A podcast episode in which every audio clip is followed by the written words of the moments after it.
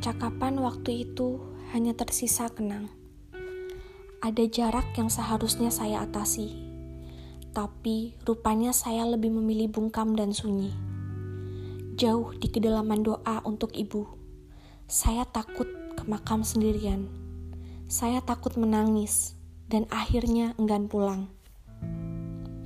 Pada suatu lelah di sore hari yang matang bersama kopi dan obrolan yang hendak dituang ke cangkir, juga keceruk hati terdalam. Saya mendengus meratapi hidup yang tak lagi menggairahkan, hidup yang banyak hutang dan impian, hidup yang setiap harinya melulu membayangkan masa depan, mengutuk masa lalu, dan kehilangan hari ini. Brengsek memang. Di lain tempat saat saya menyumpahi kehidupan, Ibu berdiri sembari membopong nampan berisi nasi beserta lauknya. Menuju di mana saya duduk. Makan dulu, biar sumpahnya mujarab. Kata ibu sambil mendodongkan nampan itu.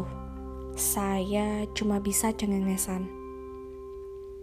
Makan berdua dengan ibu di nampan yang sama membuat mata saya leleh dan hati saya luluh.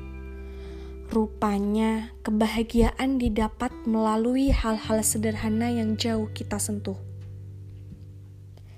Kalau hendak berdoa meminta kebahagiaan, diimbangi dengan menjaga hati agar tak mudah kecewa.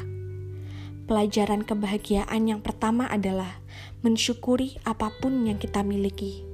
Pelajaran keduanya adalah menahan keinginan apa pun yang saat ini belum kita miliki.